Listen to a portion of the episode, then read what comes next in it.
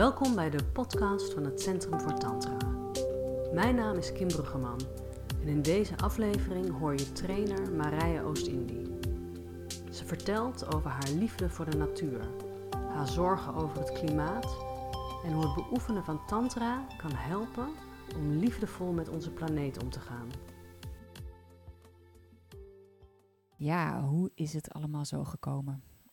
Dus ik denk dat het in ieder geval in mijn geval, en misschien dat andere mensen dat ook herkennen, dat het activisme of het begaan zijn eigenlijk met alles om ons heen. En dat is volgens mij iets wat is ingeboren in ieder kind. In ieder geval was het ingeboren in mij. Want ik herinner me nog, toen ik twee was, dat ik, uh, toen ging ik naar een kinderdagverblijf, een peuterspeelzaal. En daar was achter de peuterspeelzaal was een klein veldje waar we lekker konden spelen. En gelukkig was een deel daarvan niet bestraat, maar met gras begroeid. En dat gras werd ook gelukkig niet al te veel gemaaid. Dus daar groeiden ook allerlei bloemen tussen. En uh, ik weet nog heel goed het moment dat ik zo in het gras lag. Met het gras en de bloemen zo op ooghoogte. En dat ik zag dat alles om me heen, werkelijk alles, zinderde van het leven. En alles trilde en zoemde. Er waren allemaal torretjes, zweefvliegen, wormen, bijen, vlinders. En we hebben het hier over de vroege jaren tachtig. Dus ongelooflijk veel meer insecten leefden er toen nog dan nu. En uh, ik, ik zag dat ook. Ik zag hoe alles verbonden was met alles. En werkelijk letterlijk alles trilde en zinderde van het leven. Dat was zo ongelooflijk heerlijk om tussen te zijn en gewoon maar naar te kijken en alles te voelen zo. En uh, ik stak ook graag dingen in mijn mond, zoals ieder tweejarig kind volgens mij graag doet. en wat ieder tweejarig kind ook meestal goed wordt afgeleerd. Niet door mijn ouders, want die zagen dat je heel veel in je mond kon steken en dat er heel veel eigenlijk eetbaar was. En die leerden mij dat ook, wat ik wel en wat ik niet zomaar kon opeten. En dus ik uh, strekte mijn hand uit en plukte een boterbloemblaadje af en stak dat in mijn mond. En toen riep een van de leidsters heel hard: Nee, niet doen, dat is giftig. En dat is een van de vele, vele waarschuwingen die ik heb gehad vanuit mijn omgeving. Dat nat natuur niet iets is wat je zomaar kunt vertrouwen, eigenlijk. Uh, giftig. En dat heb ik ook gehoord op het moment dat ik krentjes in mijn mond stak. En dat volwassenen gingen roepen: Pas op, pas op, dat kan je niet zomaar opeten. Alsof ik iets doms aan het doen was. Hmm. Maar ik had heel goed terecht geleerd dat dat gewoon iets is wat je kan opeten en kunt vertrouwen. Dus dat is een soort van eerste boodschap die kinderen vaak krijgen. En die eigenlijk inhoudt: kijk uit, de natuur is, die heeft het niet goed met je voor. Dus je niet speciaal goed gezind. En um, een van de eerste manieren waarop we beginnen om de omgeving uh, te controleren, als het ware. Ik herinner mezelf als kind eigenlijk als alsmaar verbijsterd. Wat gebeurt hier? Waarom doen mensen zo hard en naar tegen elkaar? Bij ons op school was het heel normaal om elkaar uit te lachen, te vernederen, te kleineren. Eh, belachelijk te maken. Bijvoorbeeld, ik werd belachelijk gemaakt om, uh, omdat ik uh, zoveel fantasie had en zoveel verhalen verzon. Um, ik werd belachelijk gemaakt omdat ik ook goed was in taal en rekenen. omdat ik creatief was. Dus er waren allerlei boodschappen. Je bent niet oké. En niet alleen naar mij, maar naar zo ongeveer iedereen.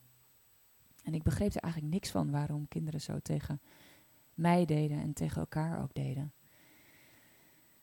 En het was heel normaal dat als uh, ik met iemand stond te praten, dat diegene dan gedachteloos alle blaadjes van de takken ritste. En gewoon op de grond gooide. Gewoon nergens om eigenlijk. En ik kon eigenlijk vooral alleen maar dat zien. Het is zien dat mensen, ja, raar. Ik snapte het gewoon echt niet. en ik ging me alsmaar minder uitspreken over mijn enorme liefde voor de planten en de dieren. En de akeligheid die ik om me heen zag, want ik werd daar ook om uitgelachen. Nou, ik denk dat we allemaal op een bepaalde manier niet gezien en gehoord worden als kind. En die pijn, dat is gewoon te veel om alleen te dragen. Is gewoon too much. En de oplossing van ieder kind is om zich dan vervolgens te gaan verdedigen tegen die pijn. Ergens moeten we onszelf een beetje verharden, vernauwen. En moeten spanning gaan maken om die pijn niet zo te hoeven voelen. En voor mij voelde het wel een beetje alsof ik een soort muur om me heen optrok. Een, een muur waarin, waarmee ik mezelf verdedigde tegen pijn. En die pijn en die muur die voelde ik in mijn lichaam. Dus die, die muur die voel ik, voelde ik in mijn lichaam, zodat ik niet alsmaar meer die geschokte respons op de buitenwereld hoefde te ervaren. En dus ik vernauwde mezelf en ik maakte spanning, ging minder ruim en diep ademen. Uh, mijn hele lichaamshouding veranderde eigenlijk met de tijd. Dus mijn schouderbladen gingen zo om mijn hart heen vouwen. Dus ik heb dat nog steeds eigenlijk. Als je naar me kijkt, dan zie je iemand die een beetje krom is, wel, helaas. ik zou heel graag heel mooi rechtop willen zijn en dat probeer ik ook wel. Maar als ik er niet echt op let, dan, uh, ja, dan vouwen mijn schouderbladen zich nog steeds rondom mijn hart. Om mijn hart te beschermen. En ik maakte ook spanning in mijn mind. Ik ging allerlei beelden vormen over de wereld. Want ja, hoe kunnen mensen zo tegen elkaar doen? dat kan alleen maar als ze slecht zijn, als ze vijandig zijn. En er zal wel iets niet helemaal goed zijn met mij ook. Dus ik ging ook beelden maken over mij. Ik ben eigenlijk niet opgewassen tegen de pijn van de wereld. En zo naïef ben ik en zo onschuldig. Ik moet iets doen om mezelf wat minder naïef en onschuldig te maken in deze vijandige wereld. En dat is iets wat we allemaal leren als kind. Ik weet niet hoe, maar we vinden die mogelijkheid gelukkig allemaal. Want door die muur op te trekken, overleven we wel mooi onze jeugd. Anders waren we misschien wel gek geworden. En maar met dat die verdediging op zijn plek viel, zo gaandeweg mijn jeugd, ben ik helaas ook een hele hoop van mijn gevoeligheid kwijtgeraakt. Want die spanning of die muur, die soms bijna kan voelen als een soort uh, slotgrachten met een hele dikke kasteelmuur. Die beschermt mij misschien wel heel erg goed tegen de pijn, maar die maakt ook dat ik niet helemaal meer open kan zijn voor de goedheid en de schoonheid en de warmte die er ook is daarbuiten. Ik durfde er bijna niet meer op te vertrouwen dat er ook echt vriendschap was in de wereld. Het heeft een hele tijd geduurd. En dat hebben we echt allemaal gedaan. En misschien als je dit mij hoor, zo hoort zeggen, dan ga je voelen wat jouw specifieke pijn was van vroeger. Want als kind kan je die pijn niet alleen hebben. En daar heb je de steun van volwassenen bij nodig. En steun van volwassenen die niet proberen om je pijn te sussen of weg te nemen, maar die je, mer die je helpen om het verdriet ervan te voelen. Of je woede te voelen. En dat niet te gaan uitacten op de wereld, maar dat veilig te gaan voelen binnen je eigen systeem. En dat kunnen alleen volwassenen doen die dit in zichzelf kunnen hebben. Nou, en daar zijn er maar heel weinig van geweest. In ieder geval voor de kinderen van mijn generatie. En nogmaals, hè, door ons op deze manier te beschermen, hebben we onze jeugd overleefd. En dus er is ook niks mis met hoe we het hebben gedaan. En we worden er heel onvrij van. En als we niet heel specifiek op onderzoek uitgaan, hè, nu we volwassen zijn, zullen we een deel van die spanning moeten blijven maken alsmaar. Als we die beelden die we hebben over onszelf en over anderen en over de wereld niet expliciet gaan onderzoeken, en dan worden ze iets heel vasts in ons. Nou, en dan gaan we dingen doen die we polarisatie noemen. Nou, we gaan polariseren, we gaan anderen fout maken en onszelf goed. Ik heb dat heel erg veel gedaan. En uh, mijn specifieke pijn zit heel erg hoe we omgaan met de wereld, de schoonheid van de wereld en hoe we die stuk maken. Dus, nou, ik heb Shell gehaat. Shell die zo ongelooflijk grote winst maken en zo ongelooflijk veel CO2 uitstoot en zo veel viezigheid achterlaat in alle landen, met name Nigeria. Op dit moment is daar heel veel om te doen, terecht. Waar ze alle olie uit de grond pompen en maar de olie komt ook aan de oppervlakte en ze helpen eigenlijk niet het land ook weer op te ruimen. Het is heel akelig wat ze hebben gedaan. Maar in mijn fantasie worden het hele, hele, hele slechte mensen die helemaal niet kunnen zien wat voor akeligheid ze aanrichten. En eigenlijk het slechtste met ons voor hebben. Hmm. Misschien is dat ten dele ook zo. Hè? Kunnen ze echt niet meer voelen wat ze allemaal aanrichten. En uh, is winst werkelijk heel belangrijk voor ze. Maar door het zo te polariseren, um, verlies ik de nuance en kan ik niet meer zien waar de mensen van Shell, de werknemers, ook het beste met ons voor hebben. En ook denken dat ze werkelijk iets goeds doen. En dat werkelijk ook doen. Want er zijn veel mensen bij Shell geweest die ook werkelijk het beste met de aarde voor hadden. En juist um, van binnenuit hebben geprobeerd om de organisatie te veranderen. Nou, dat is een groot ding. En helaas met het polariseren, wat veel klimaatactivisten doen, en, um, blijven we in dat oude paradigma. En daar wil ik wel iets over vertellen. En want diezelfde woede die slaat ook naar binnen. En dus als kind al ben ik gaan geloven dat mijn verblijf hier op aarde per definitie schade toebrengt aan deze prachtige aarde. Ik ben werkelijk gaan denken, ik besta, dus ik vernietig. En want ook ik ben onderdeel van dit slechte kapitalistische systeem, wat zo overduidelijk richting onze ondergang gaat op dit moment. Dat is een heel pijnlijk schuldgevoel waar ik me heel lang voor heb moeten afsluiten. Want ik heb ook een auto. Ik stap af en toe in de auto. En daarmee uh, breng ik mijn zoontje naar oma toe. Of rij ik mee naar Havelte om een groep te volgen of te geven. En ik heb ook een paar verre reizen gemaakt waar ik het vliegtuig voor heb genomen. Um, tot mijn 35ste heb ik uh, met grote regelmaat vlees gegeten.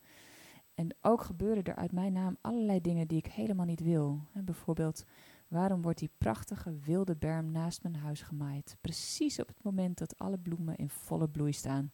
En zo half juni. En als ik nu om me heen kijk, is er echt bijna geen plek waar ik die pijnlijkheid niet ervaar. Als ik echt gevoelig ben, oh my goodness.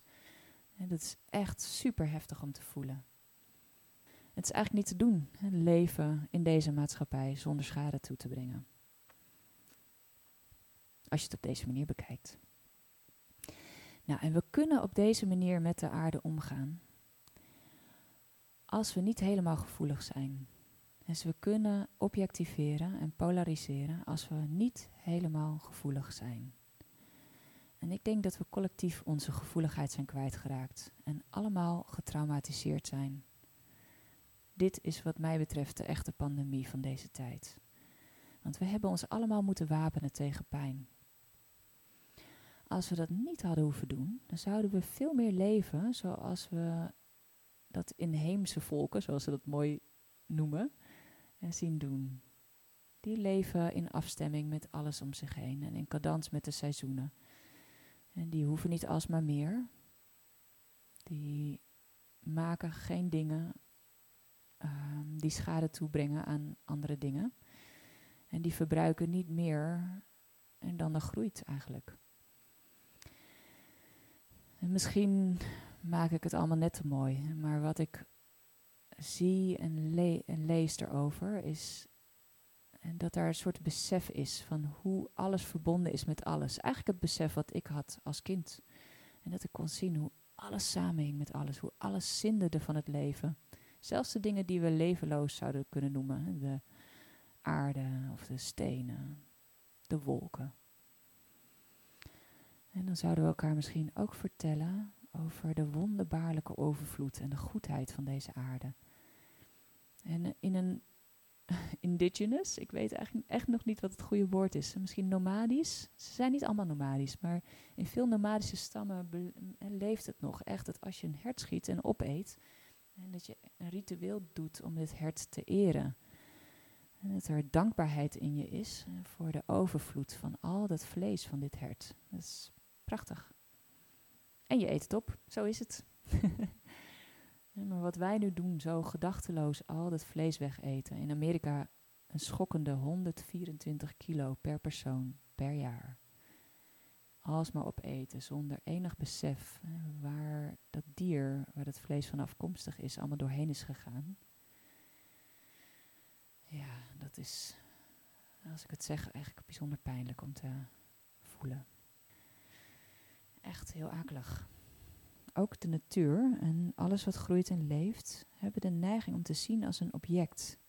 Als iets toevalligs, iets willekeurigs, iets onberekenbaars. Iets wat je moet beheersen, want anders beheerst het jou misschien. Kijk maar eens naar die hele evolutietheorie van Darwin, die nog zo springlevend is als wat. we denken echt nog steeds survival of the fittest. Dat is een behoorlijk vijandig wereldbeeld. Het is eten of gegeten worden.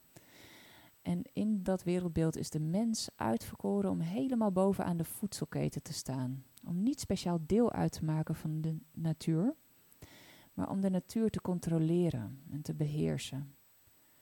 En op deze manier hebben we de natuur kunnen reduceren tot een verzameling grondstoffen die tot onze beschikking staan. Charles Eisenstein schrijft daar prachtig over. Ik kan het je heel erg aanraden om dat te lezen. En het is ook pijnlijk om ons dat te realiseren. Dat hebben we echt kunnen doen op deze manier. dus stel, misschien ga je ooit nog eens met het vliegtuig. In ieder geval de laatste keer dat ik erin zat, uh, zag ik Nederland van bovenaf en moest ik eigenlijk huilen. Het enige wat ik zag was vierkantjes, lapjes. Lapjes in allerlei gradaties groen misschien, waarvan ik wist, oh, als ik er dichterbij kijk, dan zie ik nog maar één gewas. En bijvoorbeeld rijgras. Een heel groot deel van Nederland is begroeid met monocultuur. Ehm, en als het geen rijgras is, dan is het misschien wel mais bijvoorbeeld of aardappel. En dan betekent ook nog dat een deel van de tijd uh, ons, ons uh, land braak ligt. En daarmee allerlei CO2 uitstoot. En er heel slecht leven mogelijk is nog. En in ieder geval is alle grond in eigendom van iemand en verdeeld in vierkante lapjes. Onze rivieren stromen niet meer mooi kronkelend door ons landschap heen. Soms misschien overlopend, soms is daarin, soms is een andere kant op. maar we hebben ze gekanaliseerd. We hebben het helemaal in controle. Alles onder controle.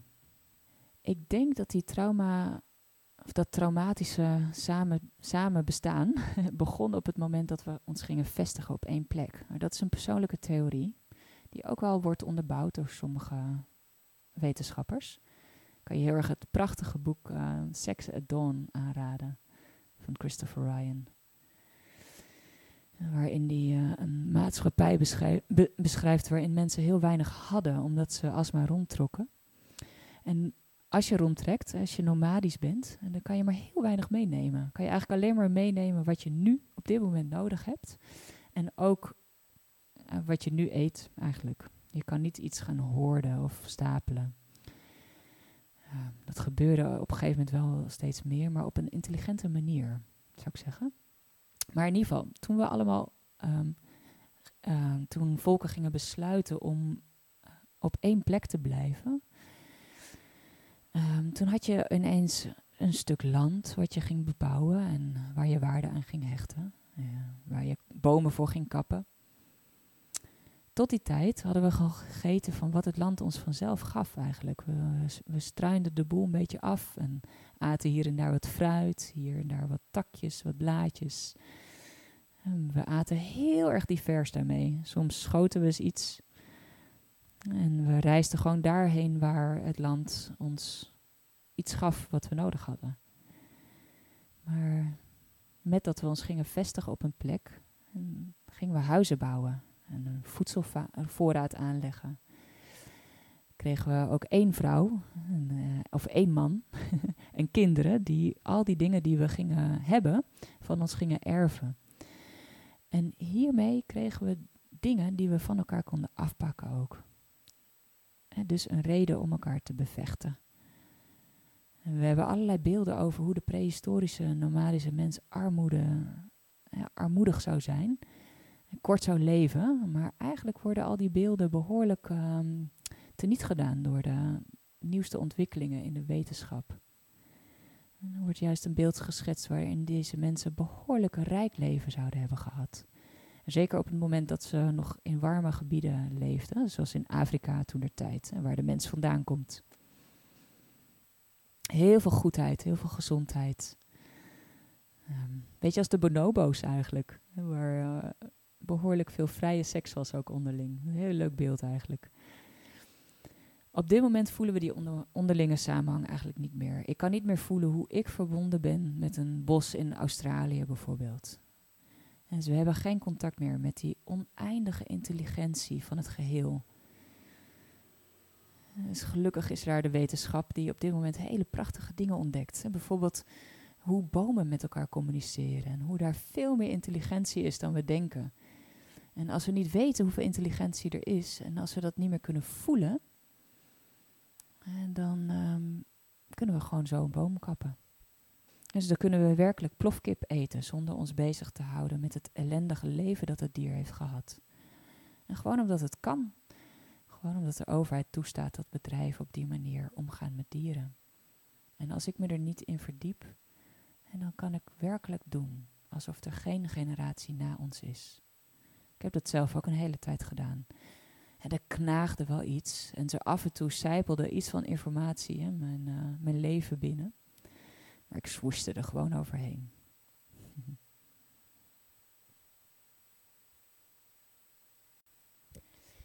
nou, het is heel helder, hè? En milieubewegingen en activisten zien het eigenlijk supergoed. Hier gaat iets ongelooflijk mis. En er zijn zelfs behoorlijk wat wetenschappers die beweren, we zijn al ver voorbij die tipping point. We kunnen niet meer tegengaan dat er hele extreme ehm, dingen gaan gebeuren op aarde. En waarbij de verwoestijning nog veel sneller gaat. En waarbij de biodiversiteit echt nog heel erg veel sneller gaat afnemen dan ze nu al doet. En nu al sterft een diersoort per uur uit ongeveer. En dat zal alleen nog maar sneller gaan. En ook de oceanen, die we behoorlijk aan het leegvissen zijn op dit moment, eh, die gaan straks in plaats van CO2 opnemen heel veel afgeven. En dat gebeurt ook met de permafrost. Nou, zo kan ik doorgaan. Het, het gaat allemaal tegelijkertijd. En de snelheid waarmee dat gebeurt, gaat ongekend. Uh, wordt alsmaar sneller. En dat is een heftig beeld, want dat maakt dat uh, sommige klimaatwetenschappers zeggen, nou het zou al wel eens over tien jaar kunnen zijn. En dat we niet meer in staat zijn om uh, voedsel te verbouwen. In ieder geval niet op de manier waarop we dat nu doen. En want al die monocultuur die we um, verbouwen, al die één gewas op hectare naar hectare, dat is ongelooflijk kwetsbaar eigenlijk wat we daar doen. En uh, misschien dat er over tien jaar geen voedsel meer verkrijgbaar zal zijn in de supermarkt. En als dat gebeurt, dan gaan heel veel systemen omvallen. En dan zal ook ons bankwezen omvallen. Ook ons politieke systeem. Ook onze rechterlijke macht. dus uh, dat is een behoorlijke angstaanjagend schrikbeeld. En um, ik hoorde een paar jaar geleden voor het eerst de klimaatwetenschapper Jim Bendel daarover spreken. En ik heb gehuild en gehuild en gehuild. Gelukkig ik ben er ongelooflijk van geschrokken. En dat is ook eigenlijk iets hè, wat er naar buiten komt in dat uh, klimaatrapport, wat nog niet zo lang geleden uh, uit is gebracht. En daar wordt ook een beeld in geschetst van, oh jongens, dit gaat helemaal mis. En we weten eigenlijk niet op dit moment of we dat nog weer recht kunnen trekken. Nou, ik zou zeggen, laten we kijken wat er kan. Of het nou goed komt of niet. Of wij mensen op deze aarde mogen blijven of dat we misschien gedoemd zijn om uit te sterven, wat, ik een hele wat mij een hele reële kans lijkt. Als ik niet uitkijk, dan ga ik oorlog voeren. Ik maak vijanden van mezelf. Als ik misschien ooit toch nog een keer in het vliegtuig ga. Ik weet niet of ik uh, het schuldgevoel wat ik daarover zou hebben kan hebben. Ik maak ook vijanden van de Shell-CEO's. Ik maak vijanden van uh, buren die wel zomaar eh, vakantie naar Spanje doen en in het vliegtuig stappen, soms zelfs voor een weekendje shoppen. Vind ik echt zo afschuwelijk. Heel moeilijk om ze dan echt aan te kijken. En te zien dat het gewoon nog steeds mensen zijn. Ik maak vijanden van boeren die megastallen hebben en uh, alle koeien zonder daglicht en zonder vers gras. En, uh, oh, vind ik ook zo verschrikkelijk. Of uh, van boeren die gif strooien over enorme hectares monocultuur. Ah, nou, ik kan zo nog wel even doorgaan. Maar als ik dat doe, dan polariseer ik. En met de polarisatie komt de objectivering. Dus ik maak objecten van die mensen die alleen maar slecht zouden zijn en niet ook nog goede kanten hebben. Niet ook nog mensen zouden zijn die houden van hun kinderen en ze eigenlijk niks dan goeds wensen. En mensen die houden van de aarde misschien zelfs, zelfs terwijl ze er gif overheen strooien. En als ik dat doe, dan zie ik, zit ik eigenlijk in precies hetzelfde paradigma dat er überhaupt voor gezorgd heeft dat we zo raar met onze prachtige aarde omgaan. De moeder, onze moeder, de plek waar we zo van afhankelijk zijn. En oorlog kan je nooit winnen, nooit, omdat er altijd iemand moet verliezen. En omdat we allemaal in kern met elkaar verbonden zijn, verliest iedereen, altijd. Die realisatie, gelukkig heb ik ook die af en toe. Kan ik dat af en toe echt voelen? Nee, we zijn allemaal met elkaar verbonden. En als één iemand pijn heeft, hebben we allemaal pijn. En het is niet makkelijk om me dat alsmaar te realiseren. Lukt me ook gewoon niet. En dus soms word ik opnieuw bevangen door een enorme haat tegen Rutte en zijn beleid. Waar winst gaat eigenlijk boven alles. En ten koste van het, ons prachtige ecosysteem, dat wat er nog is. Van onze onderlinge verbondenheid zelfs. Als ik daar niet heel wakker op ben, dan maak ik een uh, enorme demon van hem. Nou, of het slaat me binnen en ik word cynisch, koud. Ga ik in de oorlogstand eigenlijk om de pijn maar niet te hoeven voelen. Dat is akelig voor mij, maar het is ook akelig voor de mensen om me heen. En die me er gelukkig ook af en toe op aanspreken als ik uh, op deze manier tevoorschijn kom. Dus dank aan wie dit hoort. het is heel verdrietig dat we dit kunnen doen met elkaar. Niet alleen voor de plofkip of voor Rutte, maar echt voor ons allemaal. Want ik denk dat we allemaal lijden aan een diep gevoel van onverbondenheid en eenzaamheid, richtingsloosheid. Alsof het leven op aarde een soort toevalligheid is. En soms kunnen we dat echt zo ervaren. Voordat ik aan Tantra begon, kon ik niet goed voelen wat nou echt belangrijk voor me was. Ik deed een baan waarvan ik me realiseerde van, uh, dat ik er eigenlijk niet al te veel in bijdroeg. Dus ik werkte in een galerie waar we hele dure kunstwerken verkochten aan uh, hele chique mensen. Die uh, tienduizenden euro's soms betaalden gewoon voor een eenvoudige foto. in oplagen nog wel.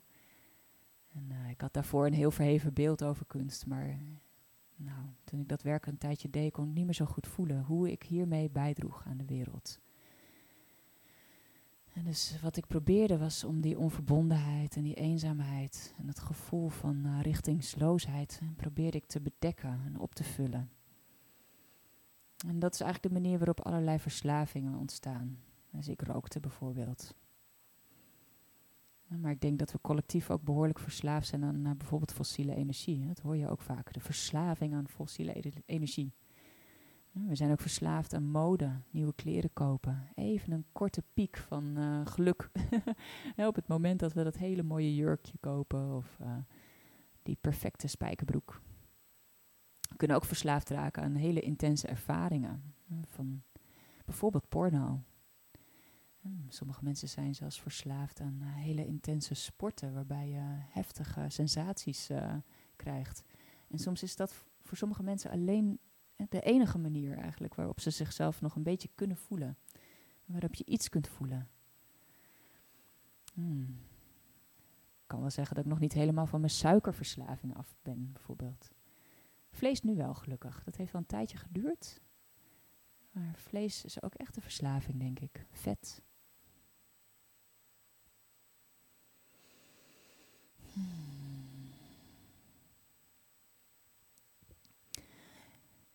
In Tantra leren we ook om ja te zeggen tegen onze gevoelens.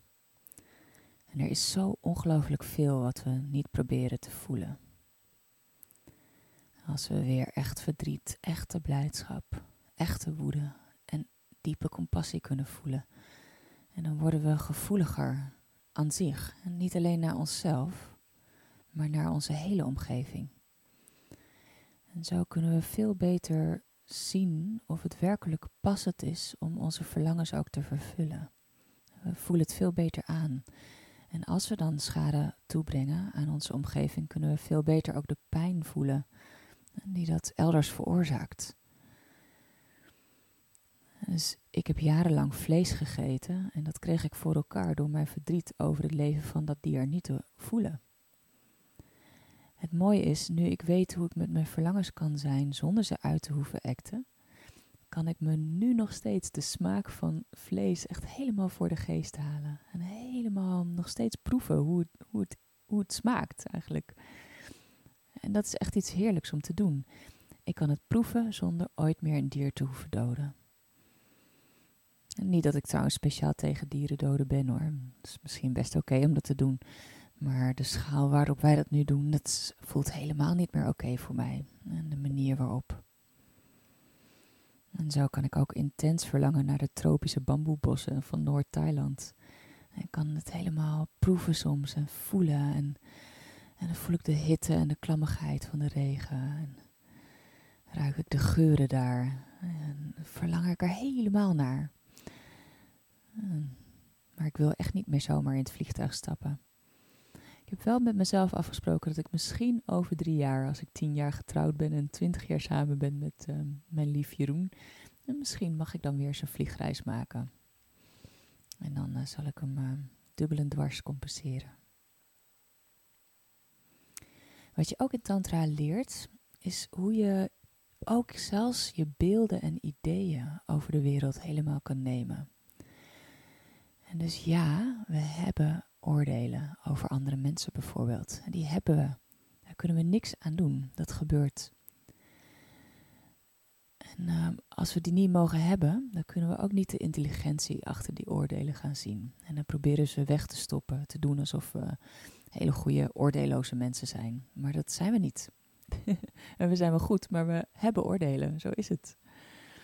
Allemaal, iedereen.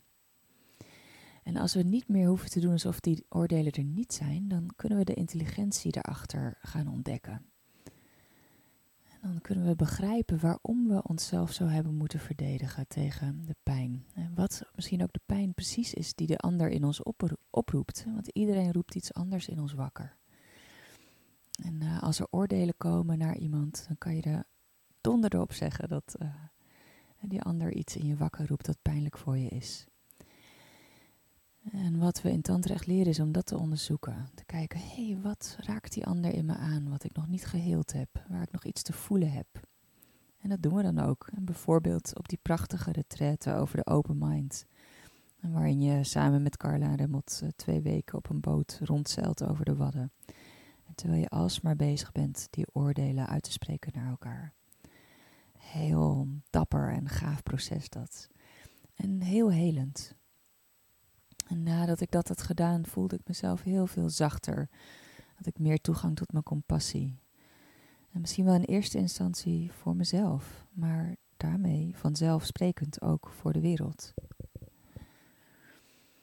Nou, en door al dit ja zeggen wat we leren in Tantra, geven we de strijd op. En we geven de interne oorlog met onszelf op. En als we niet meer hoeven te vechten, dan gaan we ons veel meer verbonden voelen.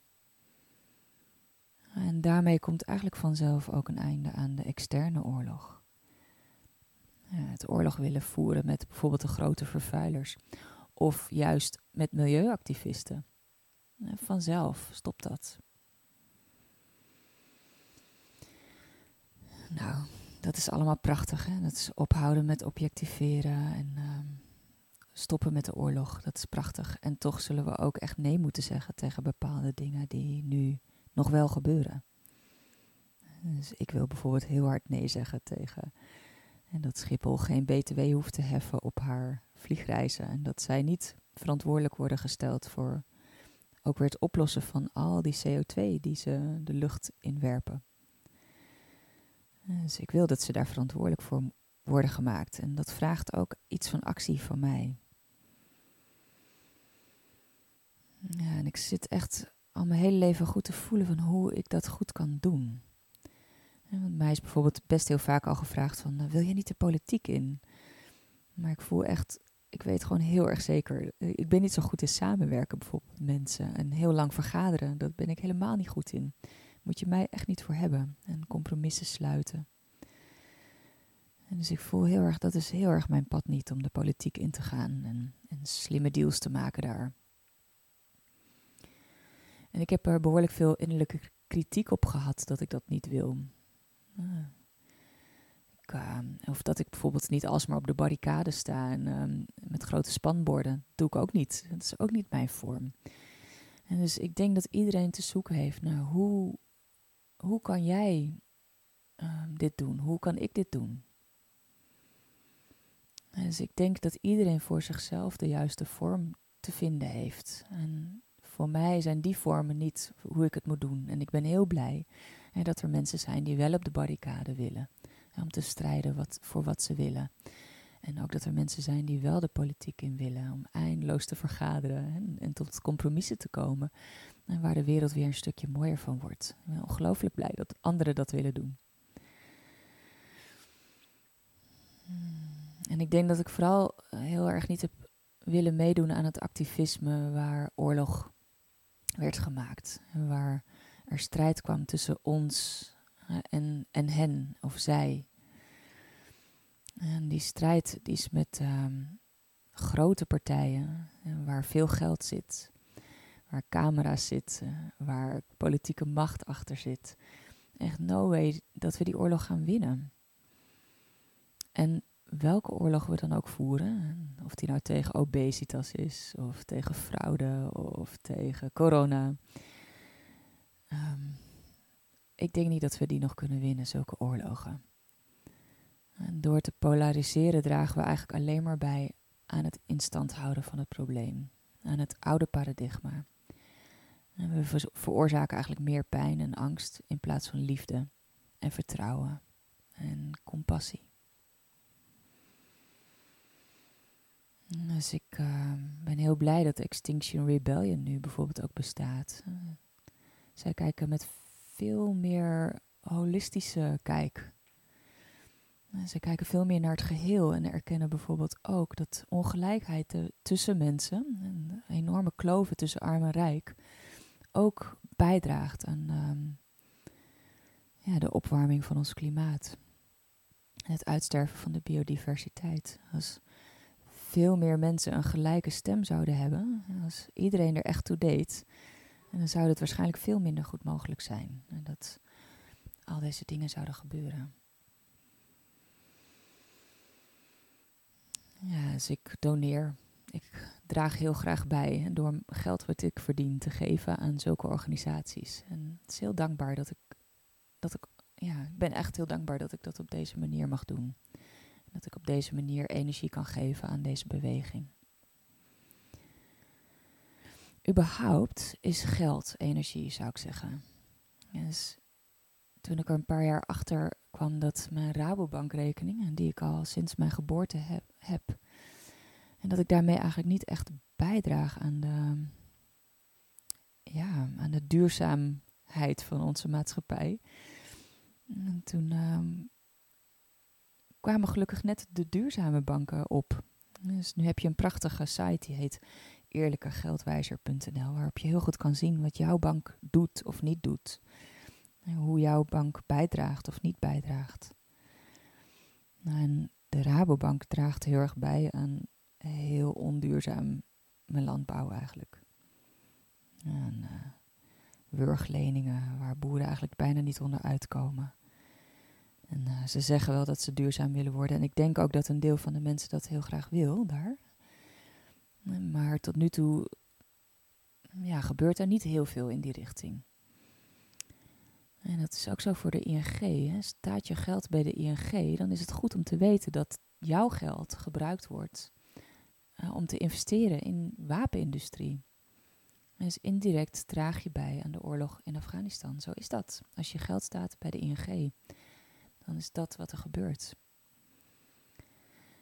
dus als wat er gebeurt in Afghanistan aan je hart gaat, als je voelt hoe pijnlijk dat is voor de mensen daar en hoe het is ook voor jou dat daar oorlog is op dit moment, dan zou ik zeggen, een hele fantastische manier om daar in ieder geval niet verder aan bij te dragen, is door je geld weg te halen bij de ING en het onder te brengen bij een duurzame bank.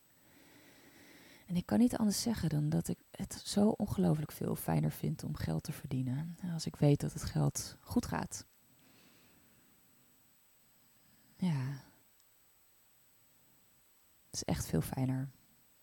Het is heel erg veel meer gevoelens van overvloed eigenlijk sinds, sinds ik bij de ASN zit. Echt heel fijn. Ja, en dan zijn er ook nog andere hele belangrijke dingen. En misschien wel een belangrijke iets wat we allemaal kunnen doen en wat ook gewoon zo heel overduidelijk, in ieder geval voor mijn hart, heel erg fijn is om te doen, is om vriendelijkheid te oefenen. Ik vind het echt lang niet altijd makkelijk. Daar kan ik eerlijk in zijn. Eh, maar ik probeer heel vaak door de stad te bewegen, uh, terwijl ik gedag zeg tegen de mensen die ik tegenkom. Terwijl ik voetgangers zonder mopperen laat oversteken uh, op het zebrapad. En echt hoffelijk voorrang geven. Is gewoon zo ongelooflijk fijn voor mijn hart. En het is een hele eenvoudige manier om iets te geven en andere mensen te laten voelen dat de wereld het beste met hen voor heeft. Ik vind het heel erg fijn om te doen in ieder geval. Ik voel me ook heel erg dankbaar dat ik kan bijdragen met mijn werk. Ik heb heel lang werk gedaan waar ik niet voelde dat ik echt een bijdrage, een substantiële bijdrage kon leveren. Aan het welzijn van mensen. Dat kan ik nu wel heel erg voelen, nu ik lesgeef in Tantra. En ik heb er zelf zo ongelooflijk veel baat gehad bij alle steun hè, die ik heb mogen ervaren in mijn retretes. En nu nog, en als ik een retraite doe, dat er zoveel steun is en zoveel liefde voor al mijn vormen, zoveel ja voor al mijn vormen. En um, ik ben zo ongelooflijk veel gevoeliger geworden. En ik heb zoveel meer richting in mijn leven mogen ervaren. Ik ben heel erg blij om dit ook door te kunnen geven aan andere mensen. Dat is heel fijn. Het voelt soms wel wat indirect. Dus zelf heb ik ook jaren en jaren eerst tantra moeten beoefenen voordat het me helder werd hoe, hoe, hoe, ja, hoe ik dat meer in de, de wereld kon leven ook. Dus ik heb zeker nog vijf jaar en nadat ik het heerlijke eten van Ivanka had geproefd, wat volledig zonder vlees is, helemaal vegetarisch. Ik heb zeker nog vijf jaar vlees gegeten. En, en zo heel langzaam ben ik mezelf meer gaan wennen aan vegetarisch eten. En heb ik mezelf leren koken op een manier dat ik het vlees eigenlijk helemaal niet mis. Wat ongelooflijk fijn is. Dus het is wel een langzaam pad in die zin. Het, neemt tijd. Tja, of langzaam. Ach, het is ook maar wat je tijd noemt. maar ja, het voelt soms wel wat indirect. Dus ik kan heel erg enorm groot verlangen voelen naar een groot stuk land eh, waarop ik een voedselbos kan beginnen. Ik zou echt dolgraag een hectare of misschien nog wel meer land tot mijn beschikking willen hebben waar ik de grond kan verrijken en de biodiversiteit enorm kan vergroten met dit prachtige waanzinnige nieuwe idee van voedselbossen. Waar ik laatst een cursus in heb gevolgd. Ik vind het echt een prachtige manier van landbouw, omdat het zo inclusief is. Er hoeft helemaal niks weg, er hoeft ook niks bij. Maar je stelt een goed, ja, je maakt een goed plan. En, en dan vervolgens, mogelijk met nog hier en daar wat aanpassingen, maar vervolgens laat je gewoon een heel ecosysteem groeien. En wat zichzelf onderhoudt en waar alsmaar meer dieren en alsmaar meer biomassa bij komt. Echt fantastisch. Dus ik voel me daar heel vurig over en ik zou het heel graag voor elkaar krijgen, dit leven nog, het liefst de komende jaren nog, om, uh, om zo'n bos te laten groeien. En dus als er meer mensen zijn in onze community uh, die daar ook interesse en nieuwsgierigheid naar hebben, dan uh, hoor ik het heel graag. Zeker als er mensen zijn, misschien met land of met geld om uh, land aan te kopen. Het zou fantastisch zijn om dat samen te doen. Nou, en dan voel ik dat ik nog een enorme bijdrage lever. En een bijdrage die alle mensen die een kind hebben gekregen, misschien meer kinderen, of die kinderen in een omgeving hebben, voor wie ze misschien ten dele zorg dragen. Bijdrage die we allemaal kunnen doen. Iedereen eigenlijk. En dat is dat we kunnen kijken hoe we kunnen zorgen dat de toekomstige generatie is voorbereid op alle veranderingen waar we doorheen zullen gaan de komende jaren. Want die gaan er komen. Zoveel is helder. We kunnen echt niet blijven leven zoals we nu leven. En um, ja, dat is een grote transitie waar we voor staan met z'n allen. Dus um, als we in het verhaal van afscheiding blijven en van polarisatie, dan gaat die generatie het heel moeilijk krijgen, denk ik. Misschien gaan er grote tekorten ontstaan, bijvoorbeeld. Jim Bendel, een belangrijke klimaatwetenschapper, en die uh, voorspelt misschien al wel binnen 10 of 20 jaar uh, dat het niet meer zo vanzelfsprekend is dat er voedsel in de supermarkt ligt. Nou, mocht dat gebeuren, dan uh, kan je je misschien voorstellen hoe het hele systeem mogelijk gaat omvallen. geen voedsel is zo'n enorme impact op een maatschappij. En misschien valt dan ook bijvoorbeeld het bankwezen om, ons monetaire systeem ons politieke systeem, ons juridische systeem. Het zou zomaar kunnen dat, er, dat de wereld over een uh, 10, 20, 30 jaar er echt heel anders uit gaat zien. Zou kunnen. En hoe gaan we dan met elkaar om? Gaan we elkaar dan bestrijden en proberen te hebben uh, wat, we, wat we hebben, te houden wat we hebben? Of gaan we de handen in een slaan en samenwerken? Echt samenwerken. Niet alleen met elkaar als mensen onderling, maar ook samenwerken met de natuur. Waar we natuurlijk gewoon onderdeel van zijn. Gaan we echt samenwerken? Eigenlijk is dat de vraag. En ik denk dat wij ouders uh, hier veel werk te doen hebben. Want kinderen leren niet van de woorden die je zegt, maar ze leren van wat ze je zien doen. En hoe ze zien dat jij je gedraagt. Wat je zegt over andere mensen, tegen andere mensen. En hier zijn we gewoon, gewoon nog niet overal gezond. Ik inclusief. Dus ik denk dat het ongelooflijk goed idee is om heel veel innerlijk werk te doen. En te zorgen dat we zo gezond mogelijke volwassenen zullen worden. Die zo goed mogelijk voorbeeld geven aan onze kinderen. Dus ik doe sessies, ik volg sessies. therapie is een ongelooflijk fijne manier om gezonder te worden. Beter in mijn vel te komen. Ja, ik kan het echt iedereen aanraden, kan niet anders zeggen. Maar ook retraites volgen waarin je alsmaar meer gaat zien over diepere lagen in jezelf. Ook de lastige dingen in jezelf. Zodat je alsmaar meer vrede kunt krijgen eigenlijk met jezelf. En daarmee met de wereld. Ja, ik ben ongelooflijk dankbaar dat ik in Tantra weer dankbaarheid ben gaan voelen. Dat kon ik daarvoor eigenlijk helemaal niet meer kon helemaal niet voelen hoeveel ik eigenlijk al heb. En er is ongelooflijk veel meer dankbaarheid gekomen in mijn leven voor al die dingen die er gewoon helemaal vanzelf zijn, iedere dag opnieuw. Um, Jim Bendel, die klimaatwetenschapper, en die erkent wel van ja, het gaat misschien helemaal naar de kloten, de wereld. Het zou zomaar kunnen zijn dat wij dit niet gaan overleven, maar in godsnaam laten we tot die tijd contact maken met elkaar. En laten we het leven vieren. Eigenlijk waar onze voorouders waanzinnig goed in waren. Die hadden allerlei rituelen, allerlei prachtige feesten. Dus kijken of we daar weer iets van terug kunnen brengen eigenlijk in onze maatschappij. En door het leven echt met elkaar te vieren. Samen uit te hangen rond het vuur. Ik doe dat zelf ook veel minder dan ik eigenlijk zou willen. En eigenlijk, dat zeg ik nou wel, het is mensen vroeger, dus de roots van ons eigenlijk hoe meer ik daarover leer, hoe meer ik leer over hoe we eigenlijk bedoeld zijn en gemaakt zijn om overvloed te creëren. Niet om tekort op te vullen, maar om overvloed te ervaren en dat mede te creëren eigenlijk.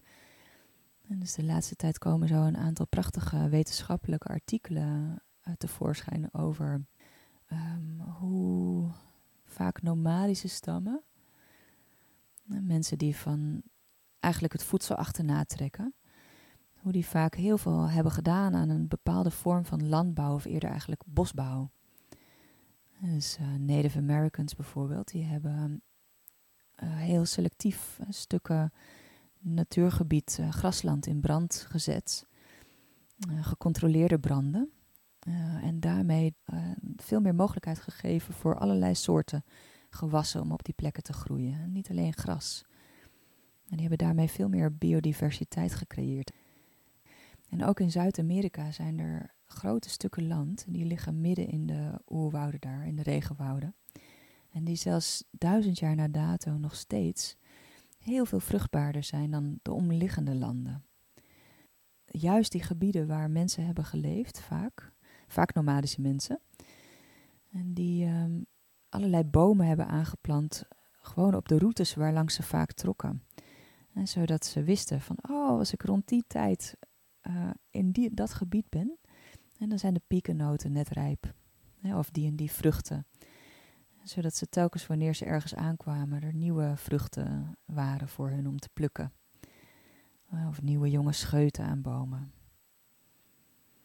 En uh, dat in zichzelf vind ik echt een schitterend beeld. En dat wij mensen ooit echt rentmeesters waren.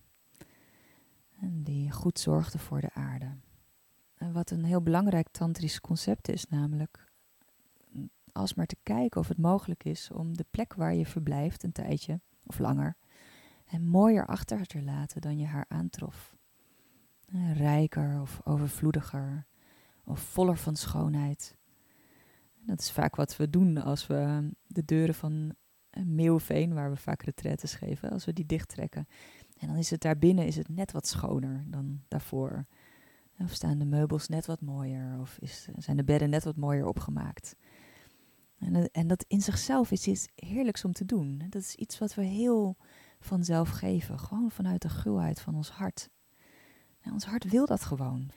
En ik zie wel een wereld voor me waarin we die houding veel meer kunnen aannemen. En echt veel meer genieten van die dingen. En misschien nog wel veel meer dan van de rode Ferrari. Omdat we echt voelen hoe het ook de generaties na ons zal aanraken. Wanneer de Ferrari al lang op de schroothoop ligt. En nog duizenden jaren later kan het land dat we hebben bewerkt, waarvoor we zo goed hebben gezorgd, nog steeds vruchtbaarder zijn dan land waar we niet waren. Dat is wat mij betreft pas echt geluk.